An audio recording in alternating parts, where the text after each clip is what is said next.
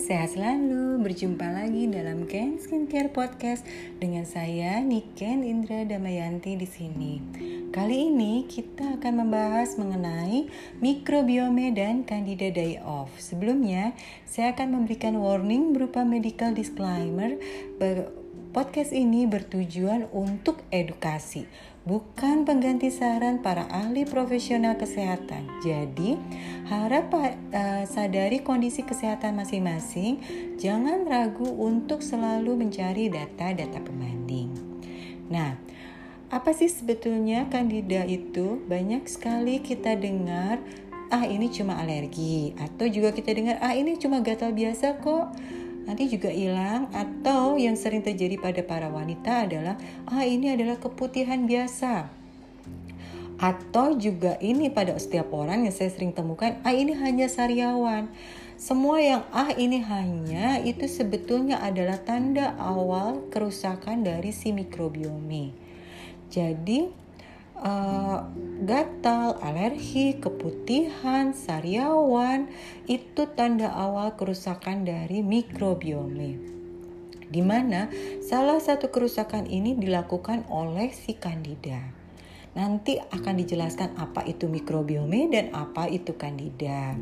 Sayangnya setiap kali kita uh, pengobatan karena ketidaktahuan, jadi pengobatan yang harusnya diteruskan ini menjadi di stop karena menduga ah saya nggak cocok nih dengan pengobatan yang dilakukan.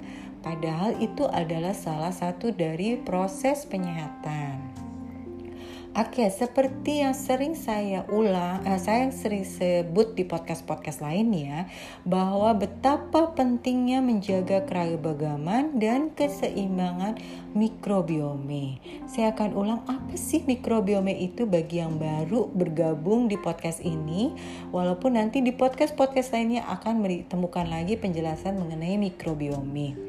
Jadi, dalam tubuh kita ini terdapat mikrobiome dan sel, di mana uh, mikrobiome kita ini adalah menguasai tubuh kita sebanyak 70% ada di dalam tubuh kita. Jadi tubuh kita ini 30%-nya adalah sel, 70%-nya mikrobiome. Baik, kita selama ini selalu melakukan proses penyehatan sel tubuh. Tapi apakah sudah kita melakukan proses penyehatan mikrobiome? Nah, ini yang selalu terlupakan karena memang soal mikrobiome ini adalah ilmu baru kesehatan. Jadi uh, para ahli juga baru menyadari bahwa oh tubuh kita terdiri dari 70% mikrobiome. Di manakah mikrobiome pusatnya? Terutama di gut atau gut yaitu ujung kerongkongan hingga lubang pembuangan, kulit, mulut dan alat kelamin. Dari tadi ini Nike nyebut terus mikrobiome. Sebenarnya mikrobiome itu apa? Mikrobiome itu adalah makhluk hidup yang terdiri dari jamur, bakteria, dan virus. Nah, bagi yang merasa kok saya dituduh jamuran, ih jorok banget sih. Itu sebetulnya adalah paradigma yang agak ketinggalan zaman. Karena tubuh kita memang mengandung jamur tubuh kita memang mengandung bakteria dan tubuh kita memang mengandung virus. Tapi memang jamur bakteri dan virus ini ada yang baik dan ada yang patogen atau jahat atau uh, penyakit. Nah, ini yang diperlukan adalah keseimbangan antara baik dan buruk. Tentunya kita berharap baik lebih banyak daripada yang buruk walaupun kita tidak bisa menghindari yang buruk-buruk itu. Jadi jangan dulu langsung marah kalau kita uh, diagnosa ini jamuran. Kalau ada yang keputihan saya bilang ini jamuran. Pasti rasanya saya bersih kok. Saya nggak mungkin deh. Ya itu memang adalah jamuran. Itu cirinya ya.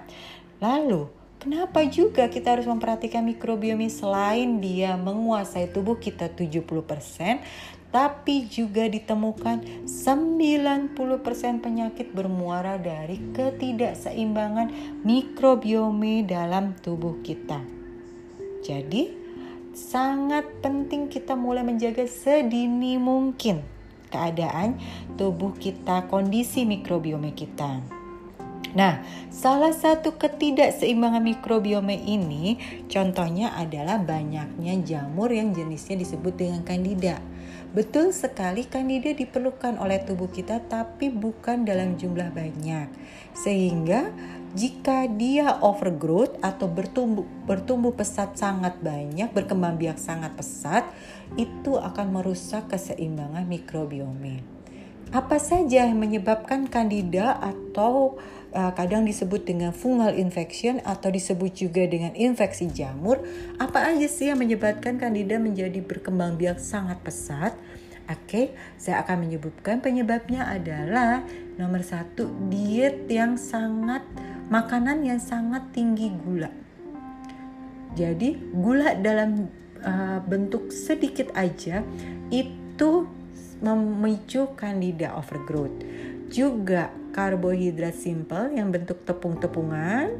Jadi kalau apa pun yang bisa dibentuk menjadi tepung itu sebaiknya kita hindari. Misalnya uh, beras, itu kan bisa menjadi tepung beras atau jagung itu bisa menjadi tepung jagung itu sebaiknya dihindari dan makanan berproses. Apa sih makanan berproses itu?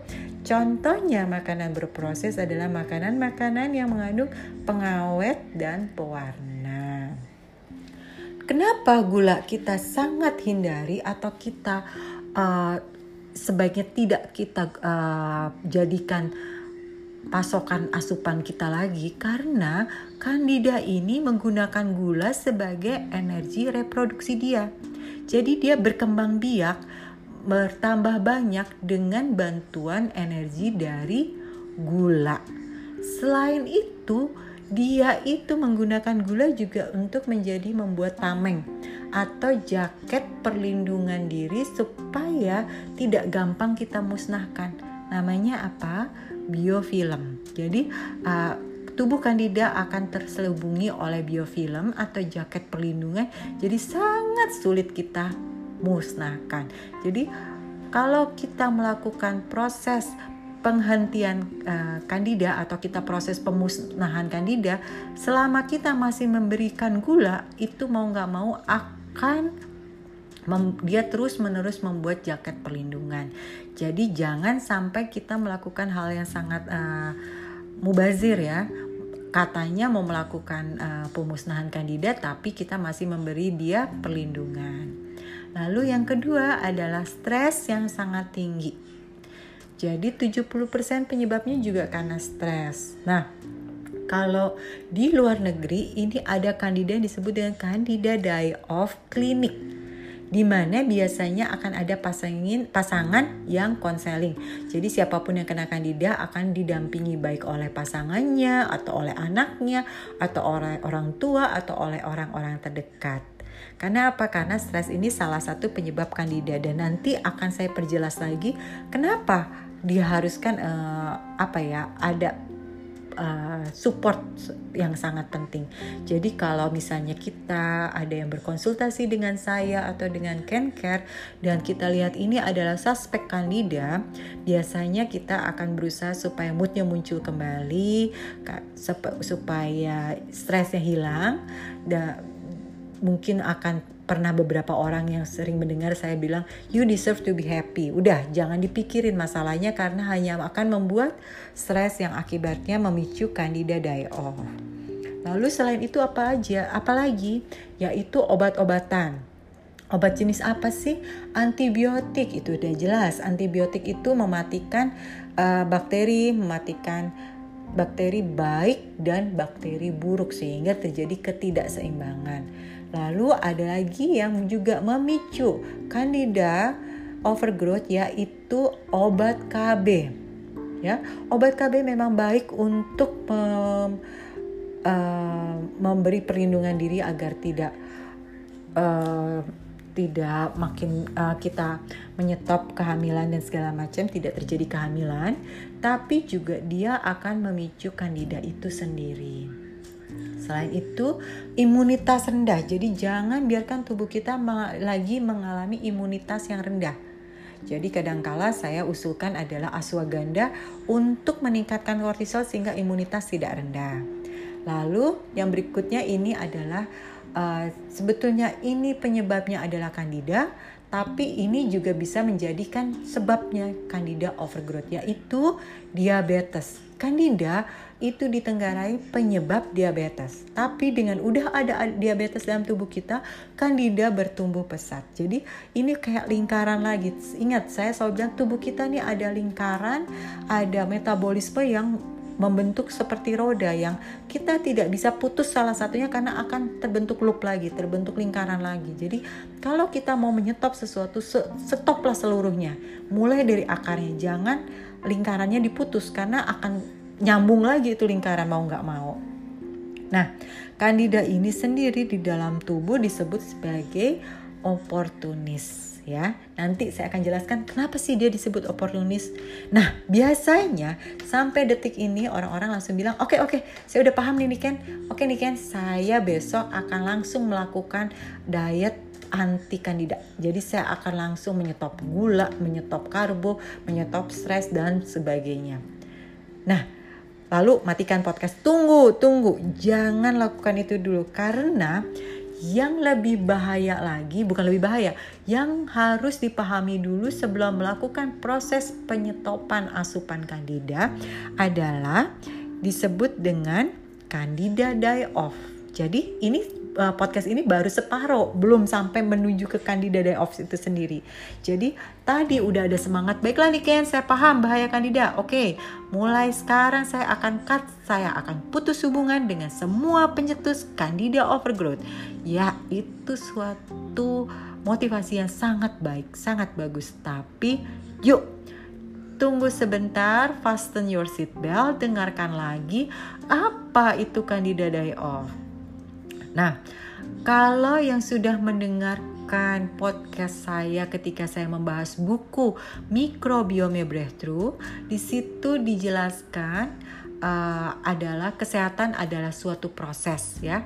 Seperti biasa, link mengenai video dan podcast ada dalam caption podcast ini. Nah, di mana uh, kalau di buku itu disebutkan kesehatan itu proses dan dalam salah satu prosesnya adalah timbul penyakit ini sangat tampak terjelas pada saat kita menghentikan asupan bagi kandida. Nah, kandida itu selama ini hidup makmur loh jinawi tidak mengganggu induk semangnya. Ingat, induk semangnya siapa? Ya, betul sekali. Induk semangnya kandida adalah kita.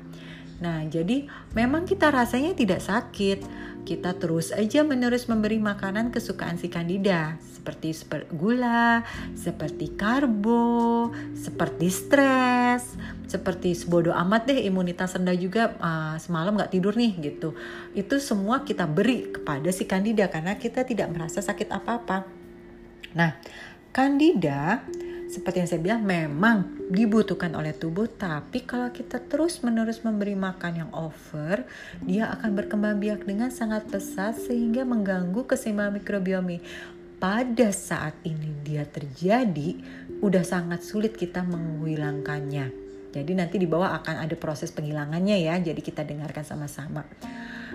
Nah tadi saya pernah sebut kandida itu oportunis apa sih oportunis itu? Oportunis itu seperti kita tahu kalau se, uh, lagi menguntungkan dia diam-diam aja dong. Diamnya dia tapi bom atom. Ya. Jadi si kandida ini pada saat dia lagi merasa diuntungkan dengan cara kita memberi makan dia, sebetulnya dia lagi membawa bom atom dalam tubuh kita. Tapi pada saat dirugikan, dia langsung ribut dalam sekejap langsung unjuk gigi. Makanya dia disebut sebagai jamur yang oportunis. Nah, kenapa sih saya bahas dulu mengenai bom atomnya ya? Jadi dalam diamnya dia itu adalah bom atom karena ke depannya dialah sumber dari 90% bayangkan 90% penyakit yang ada termasuk cancer dan autoimun. Jadi uh, kita mau pilih dia diam-diam aja tapi ada bawa bom atom boleh atau kita mau siap sedia uh, siap berperang dan menghadapi keributannya dia saat kita menyetop asupan untuk kandida. Nah, ributnya dia ini dinamakan dengan proses candida die off atau dikenal dengan proses uh, candida die off ini dari kata candida die atau candida mati. Kenapa terjadi hal yang tidak nyaman? Oke, saya jelaskan dulu mengenai si candida itu sendiri. Candida saat dia akan mati, saat dia akan mati ya, dia akan mengeluarkan 79 racun satu kandida.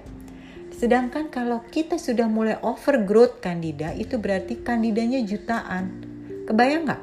79 racun kali jutaan dilepaskan saat kandida die off. Nah, kandida die off itu bisa terjadi secara natural.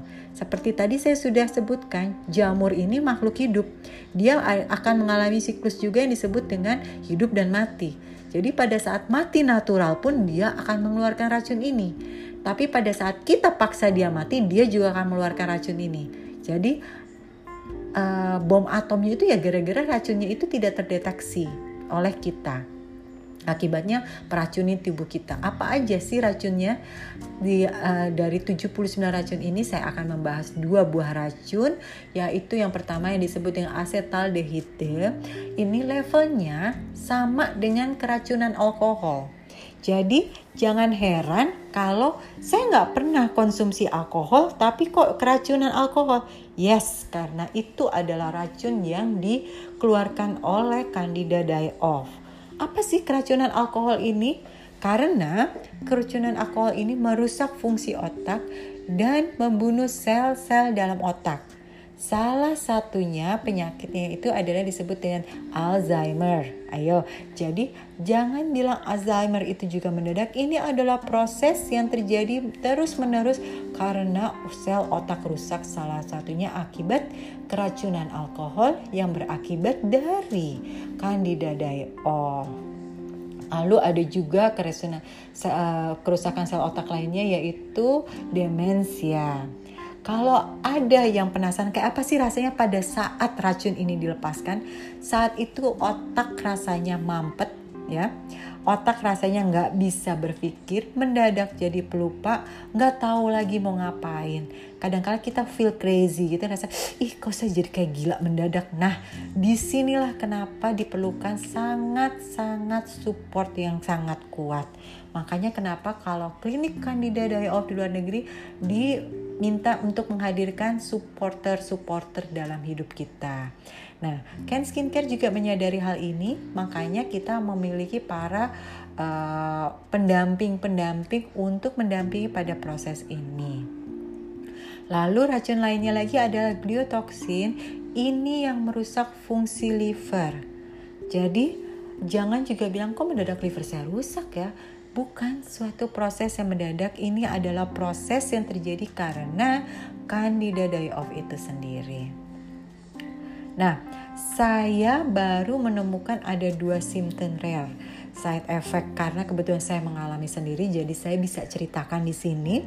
Ini terjadi pada tahun 2019 di mana saat itu saya merasa sangat sesak Ingat ya 2019 belum ada pandemi, jadi saya sangat sesak sehingga saya harus terus menerus diinhalasi. Batuk tidak berhenti-berhenti. Nah, pada saat inhalasi itu, lalu juga saya merasa di tenggorokan saya seperti ada lendir, ada slam yang menutupi tenggorokan saya. Nah, akibat inflamasi yang terus-menerus itu saya uh, terkadang merasa kesulitan untuk bernafas. Jadi, bagi yang melihat uh, foto saya pada tahun 2019 akan terlihat mungkin saya akan agak uh, membuka mulut karena saya harus bernafas melalui mulut, uh, tidak sanggup lagi melalui hidung. Nah, saat simptom ini datang ya rasanya seperti dada super sakit, seperti mau meledak uh, karena yaitu ada sumbatan dari si kandida itu sendiri. Lalu pada awal tahun 2020 saya mengalami mimisan yang tidak tidak berhenti. Jadi uh, kalau tahun sebelumnya itu tenggorokan sakit sehingga harus dinalasi. Nah, pada berikutnya, step berikutnya saya mulai mimisan terus menerus. Jadi bisa terlihat ya setahun sebelumnya jamur ada di tenggorokan, di pernafasan, lalu berikutnya udah naik lagi ke hidung. Nah, itu gejala rare, tapi gejala yang biasanya terjadi pada saat candida die off adalah hidung meler, sinusitas, dan produksi slem berlebih. Tuh ya, itu untuk bagian hidung, pernafasan. Lalu ada ruam kulit, ada alergi, ada gatal-gatal, jerawat dan eksim. Yang hebatnya ini si ruam dan gatal-gatal berpindah-pindah.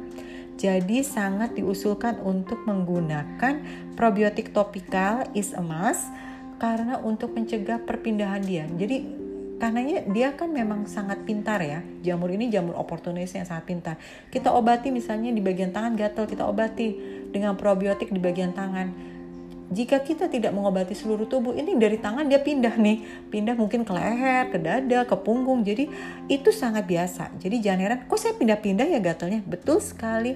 Itu memang uh, sifat ciri khas dari si candida off.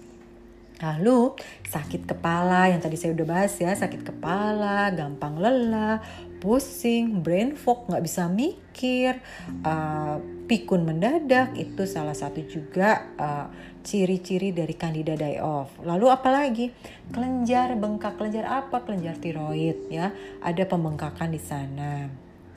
Nah, ini yang biasanya salah pengobatan berikutnya adalah apa?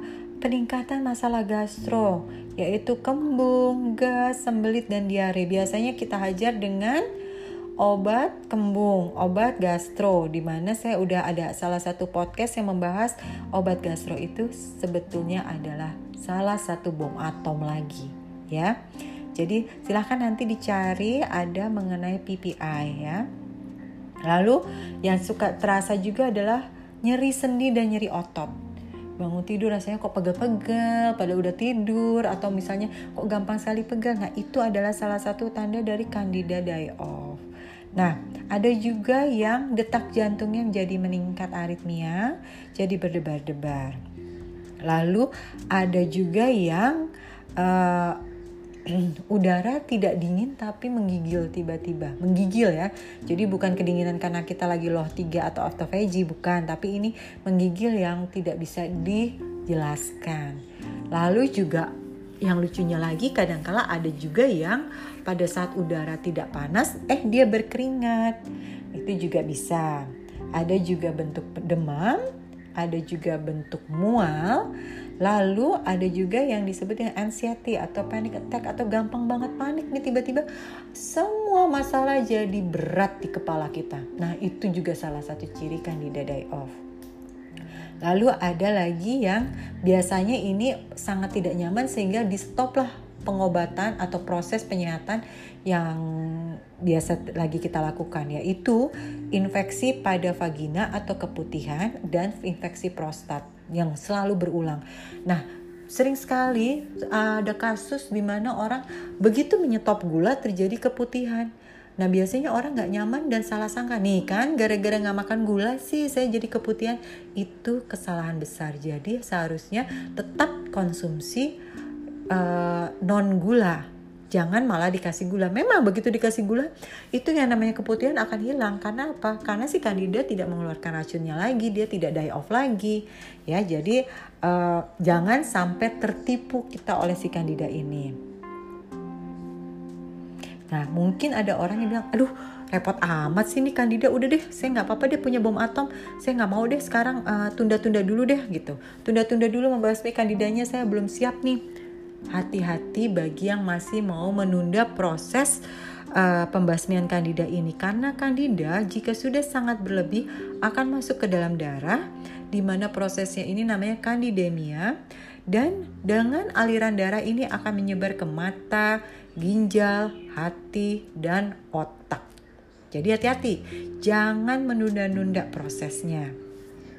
Nah, pengobatannya sendiri apa saja yang diperlukan? Ada beberapa jenis pengobatan. Obat yang sebaiknya dikonsumsi sekaligus ya. Yang pertama adalah NAC. Karena NAC apa? Dia menghancurkan biofilm si Candida. Masih ingat tadi uh, biofilm itu apa? Ya, betul sekali. Biofilm itu adalah jaket perlindungan si Candida karena kita makan gula. Jadi jaket yang terbuat dari gula, bukan terbuat dari gula, yang uh, berasal dari gula yang kita makan itu dipakai untuk tamengnya si kandida. Namanya biofilm. Nah, ini dihancurkan oleh NAC. Nah, NAC juga selain dia sebagai antioksidan kuat, dia juga memiliki sifat antibakteria. Nah, NAC ini juga akan merubah ketersediaan glutathione dalam tubuh kita. Jadi dia akan membantu mengisi kembali glutathione intraseluler. Loh, glutathione sendiri ke mana? Nanti akan saya jelaskan glutathione sendiri ke mana. Ya, Nah, kenapa kita perlu glutathione? Seperti kita ketahui, glutathione itu adalah master antioksidan yang sangat penting untuk detoksifikasi liver. Ya, bayangkan kita lagi dihujani racun oleh uh, oleh kandida dalam proses candida die off racunnya sebanyak 79 juta kali jutaan. Nah, tubuh kita sudah diciptakan filter racun yaitu liver liver memerlukan glutathione untuk membantu dia menghalau racun-racun ini. Ya, jadi ini kenapa pentingnya kita memakai NAC. Lalu yang berikutnya adalah probiotik. Jangan lupakan probiotik. Probiotik seperti kita ketahui dia akan memberikan bakteri baik sehingga membantu menenangkan peradangan atau kebocoran yang terjadi ya. Jadi kita beri uh, makanan untuk si bakteri baik. Kalau tadi gula untuk bakteri buruk, Nah, probiotik ini adalah makanan untuk bakteri baik. Jadi, bakteri baiknya kita kasih senjata makin kuat, makin kuat. Kenapa? Karena salah satunya selain makin kuat itu dia bisa menghalau si bakteri buruk, tapi dia juga akan merebut glutathione. Noh, lagi-lagi nih glutathione ke mana sih sebenarnya? Oke, okay. saat candida overgrowth, dia akan menguasai glutathione kita. Jadi, glutathione dia sangat pintar, dia tahu glutathione itu master antioksidan, dia kudeta dia jajah si glutathione sehingga uh, dia dapat menghalau dia punya kekuatan. Jadi glutathione dipakai untuk dirinya sendiri untuk si kandida sehingga kita makin sulit mengobatinya. Nah jadi kita harus bisa merebut glutathione dari kandida karena diperlukan glutathione ini untuk mendetoksifikasi tadi asetaldehyde dari jaringan tubuh kita. Lalu yang jangan dilupakan lagi kita harus selalu mengkonsumsi glutathione tambahan. Karena glutathione kita lagi dipakai oleh si kandida lagi di kudeta. Nah, jadi kita mulai lagi gunakan uh, tam beri asupan tambahan glutathione. Walaupun glutathione itu sudah diproduksi oleh tubuh kita, tidak pernah ada kata cukup, terutama bagi uh, para pendengar yang masih pencinta gula dan pencinta karbo simpel. Nah, lalu apalagi? Jangan lupakan vitamin D.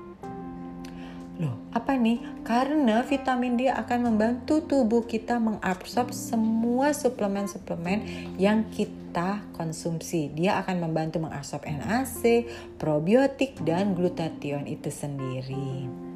Lalu apa lagi? Ya, ja, satu proses yang kadangkala dilupakan, dianggap sepele, yaitu minum. Karena kita memerlukan untuk membuang racun dari tubuh kita lebih cepat. Jangan biarkan racun bertumpuk-tumpuk terlalu lama dalam tubuh kita. Caranya dengan kita memperbanyak minum kita sehingga uh, apa produk sampingan dari si kandida ini dengan cepat juga dapat meninggalkan tubuh. Betul sekali uh, malas minum itu akibatnya akan sering ke belakang ya, sering ke buang air kecil. Nah, ini salah satu lagi yang saya sebut adalah proses penyehatan. Dalam proses penyehatan dengan melakukan minum akan terjadi efek samping yaitu sering ke belakang. Nah, banyak orang yang uh, berpikir singkat, ah saya lagi males nih sering ke belakang udah saya nggak mau minum itu sama aja memutus proses kesehatan. Ingat, proses kesehatan tidak bisa diputus karena dia akan berakibat buruk ke hal-hal lainnya. Oke. Dan yang lain lainnya lagi adalah bawang putih. Kalau saya lebih suka menggunakan Kiolik Candida Cleanse karena um, bawang putih itu mengandung alisin alisin itu nutrisi yang memperlambat pertumbuhan kandida dan membunuh bakteri jahat. Tapi sayangnya alisin ini tidak bisa terkena uh, panas. Alisin tidak bisa terkena panas dan tidak bisa terkena dingin. Dia sangat sensitif. Jadi kalau yang selama ini minum larutan jahe dan bawang putih biasanya kita usulkan oke okay, tapi kalau bisa Pak uh, campurkan bawang putihnya setelah uh, udah mendidih. Jadi pada saat sudah proses diangkat dari kompor, jangan pada saat lagi proses pendidihan karena percuma aja bawang putihnya si alisinnya hilang.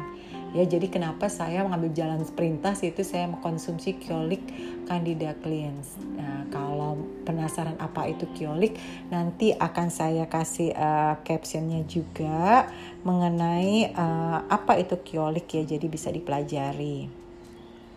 Nah, lalu apalagi ini uh, terakhir last but not least, jadi walaupun dia terakhir tapi dia tetap sama pentingnya yaitu Candida support di mana di Candida support ini sudah mengandung oregano oil dan pau di arco yang sangat uh, apa ya sangat efektif untuk membantu menghambat pertumbuhan dan perkembangan Candida itu sendiri. Nah, berapa lama sih pengobatan Candida ini? Pengobatan Candida ini bisa sampai 6 sampai 12 bulan Sayangnya kadang karena kita tidak aware saat kita mulai merasa membaik, kita kasih lagi asupan ramah kandida. Jadinya terjadi benang kusut dalam tubuh kita. Pada saat kita lupa, kita kasih asupan ramah kandida. Pada saat kita ingat, kita stop, muncul lagi kandida die off. Ingat, proses kandida die off bukan saja darah kita, tapi juga bisa karena natural. Jadi kalaupun kita kebanyakan kandida die off-nya uh, kandida pada saat dia die off natural pun akan merusak tubuh kita. Tapi proses tidak nyaman kandida die off itu sendiri hanya 2 sampai 3 minggu. Jadi proses penyehatannya mungkin bisa sampai setahun, tapi proses kurang nyamannya ya kita sabarkan saja 2 sampai 3 minggu ya. Jadi uh, ini adalah proses berapa lamanya. Plus kadangkala kita lupa loh, kita musuh kita itu adalah diri kita sendiri. Begitu main berantakan, begitu stres muncul, kandida akan muncul juga. Jadi hati-hati juga dengan yang uh, main kita. Nah, uniknya kandida ini tingkat kekeras kepalaan seseorang dalam diajak sehat itu biasanya kami sering menemukan seperti ini yuk mbak stop gula. Aduh nggak bisa. Saya kalau stop gula bisa pingsan nih. Saya perlu asupan gula. Atau kita bilang uh, yuk jangan makan tepung-tepungan. Nggak bisa. Saya nanti nggak punya energi seharian ini. At nah itu sebetulnya bukan anda. Itu adalah mind anda yang dikendalikan oleh kandida jadi kandida itu sebetulnya sangat mimiking kita sangat meniru kita Bahkan ada salah satu jurnal yang saya baca, Kandida itu meniru kepintaran induk semangnya. Lagi, induk semangnya siapa? Ya, diri kita sendiri. Jadi, semakin pintar induk semangnya, semakin pintar juga si Kandida ini akan berkelit dari proses penyehatan. Jadi, um, kita juga harus mulai aware siapa diri kita dan Kandida ini akan sangat meniru kita. Jadi, uh, yuk kita jangan pernah uh, menganggap 2 sampai 3 minggu ini sesuatu yang berat. Kita coba uh, hadapi karena ini adalah salah satu proses untuk sehat. Nah, jadi kesimpulannya hari ini kesehatan adalah proses di mana di dalam prosesnya sangat wajar timbul rasa tidak nyaman. Jadi jangan mentang-mentang stop gula terus rasanya kok gatal-gatal langsung makan gula lagi. Jangan, karena itu adalah hanya salah satu proses dari proses sehat kita kita. Jadi jangan di stop prosesnya. Oke, sekian dulu ya. Terima kasih sudah berkenan mendengarkan. Jika dirasakan podcast dan video kami bermanfaat, silahkan disebarkan karena apa pun yang kami ungkap dan unggah di sini berdaya, berdasarkan scientific base dan evidence base, bukan sekedar katanya. Sampai bertemu lagi di Ken Skincare selanjutnya. Salam sehat.